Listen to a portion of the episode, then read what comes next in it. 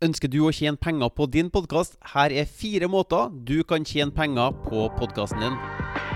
Er du en gründer som ønsker mer synlighet, større frihet, flere kunder og en stemme som blir hørt? Hver episode er dedikert til å gi deg markedsføringsavsløringene og salgshemmelighetene som vil akselerere din gründersuksess. For å se hvordan du kan starte din egen podkast, få med deg den gratis videotreninga jeg laga til deg på mortensholm.com. Velkommen, nå kjører vi på! Jeg er en stor forkjemper for å jobbe effektivt og bruke tida vår der tida vår kan brukes best mulig. Så derfor syns jeg at du må ha en podkast som faktisk eh, gjør det du vil at den skal gjøre. Nemlig hjelpe deg med å tjene penger, Bygg og gro businessen din og posisjoner deg som en ekspert i markedet osv. osv. Og da er det flere måter vi kan eh, gjøre det her på. Og det er spesielt da fire måter du kan tjene penger på podkasten din, som jeg ønsker at vi går gjennom nå. Den første måten er det vi kaller for crowdfunding. Uh, crowdfunding er egentlig bare en uh, litt sånn fancy måte å si at uh, du gir dine lyttere muligheten til å donere penger til deg. Sånn at det er ikke noe Du selger ikke et produkt eller noe sånt. Du bare gir dem muligheten til å donere penger til deg. Så det blir på en måte en pengeinnsamlingsaksjon. Og det her er en uh, fin måte hvis du har et stort publikum.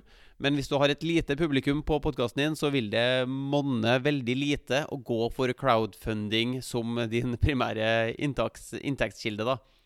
En annen eh, måte å tjene penger på din podkast er å selge sponsorplasser. Eh, hvis du har en publikum som eh, har en podkast som har et stort publikum, som virkelig når ut til de store massene, så vil det være veldig interessant for eh, andre bedrifter som også har de samme, det samme publikummet som deg. Altså, hvis du eh, podkaster til fotballtrenere, så vil det være interessant for andre som selger produkter til fotballtrenere, å lage annonser på din podkast. Eller trenger ikke være fotballtrener, i hvilken som helst eh, nisje. da. Og da kan du tjene penger på dette her ved å selge eh, sponsorplasser på din podkast.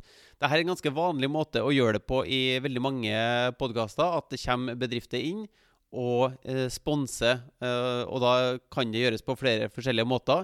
På, hvis vi skal se på Amy Porterfield sin podkast, f.eks., så har hun en sponsorplass rett etter jinglen sin for et firma som heter Gravy, som er et sånt eh, firma som hjelper folk med å eh, Ja, det er pengeinnkrevere, kan du mer eller mindre kalle det. da. Så da kunne Gravy ha sendt inn sin egen representant til å snakke om Gravy og hvor bra det er, osv.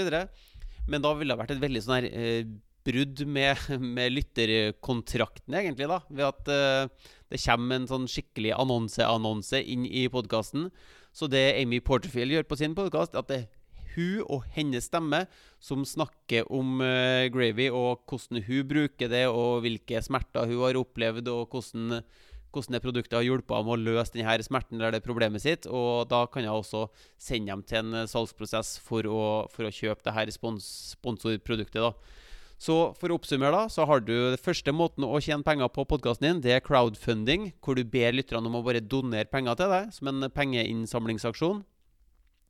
Og det andre alternativet er å selge sponsorplasser, som antageligvis er mest aktuelt for dem som allerede har et stort publikum med podkastlyttere. Hvis, hvis, du har et lite podkastpublikum foreløpig, så er det kanskje ikke så attraktivt for sponsorer å, å sponse din podkast akkurat nå, før du har klart å bygge opp det store publikummet ditt. da. Og så kommer vi over på punkt tre, den tredje måten å tjene penger på, som jeg vet veldig mange podkastere bruker heter affiliate-markedsføring. Uh, affiliate-markedsføring betyr egentlig bare at du promoterer andre bedrifter sine produkter.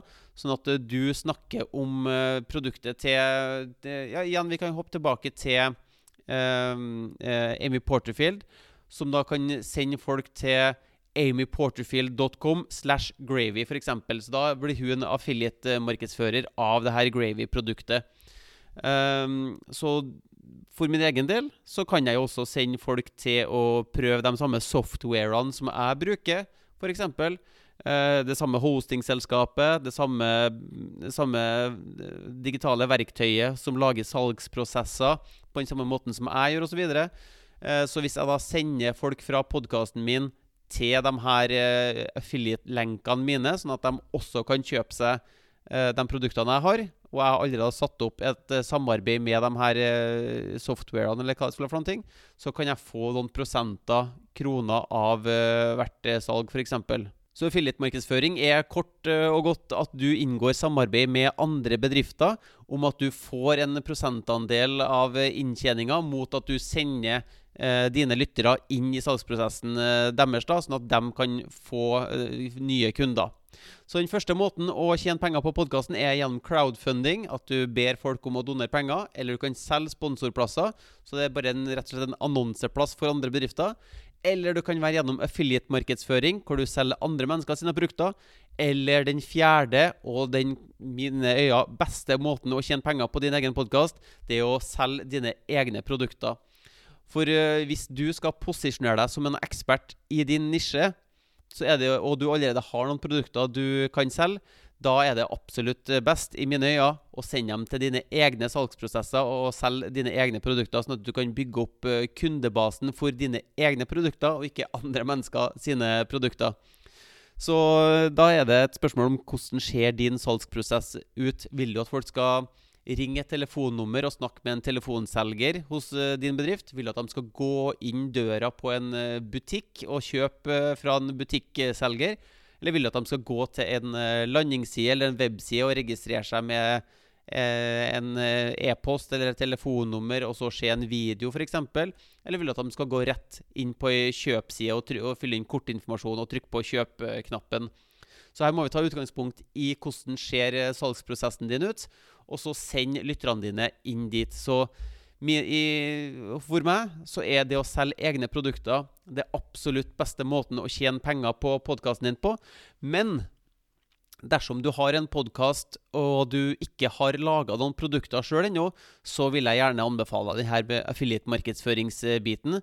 At du da sjekker ut hva slags produkter ønsker du å promotere. Eh, hvilke er det produkter det er lønnsomt for deg å promotere inn mot det publikummet som du allerede har eh, bygd opp? For hvis du har en eh, lytterskare som er ganske lik hverandre i forhold til interesser og drømmer og ønsker og frykter og og hele den eh, biten der, så må du finne noen produkter som passer til eh, de behovene og fryktene til de drømmelytterne som du allerede har eh, samla her, og lage avtaler med dem som selger de produktene, sånn at du kan bli en affiliate-markedsfører for de her. Hvis du vil lansere din egen podkast, sørg for å gå til mortensholm.com for å se den gratis videotreninga. Og hvis du vil ha flere episoder som det her, trykk på abonner-knappen, så høres vi i neste episode.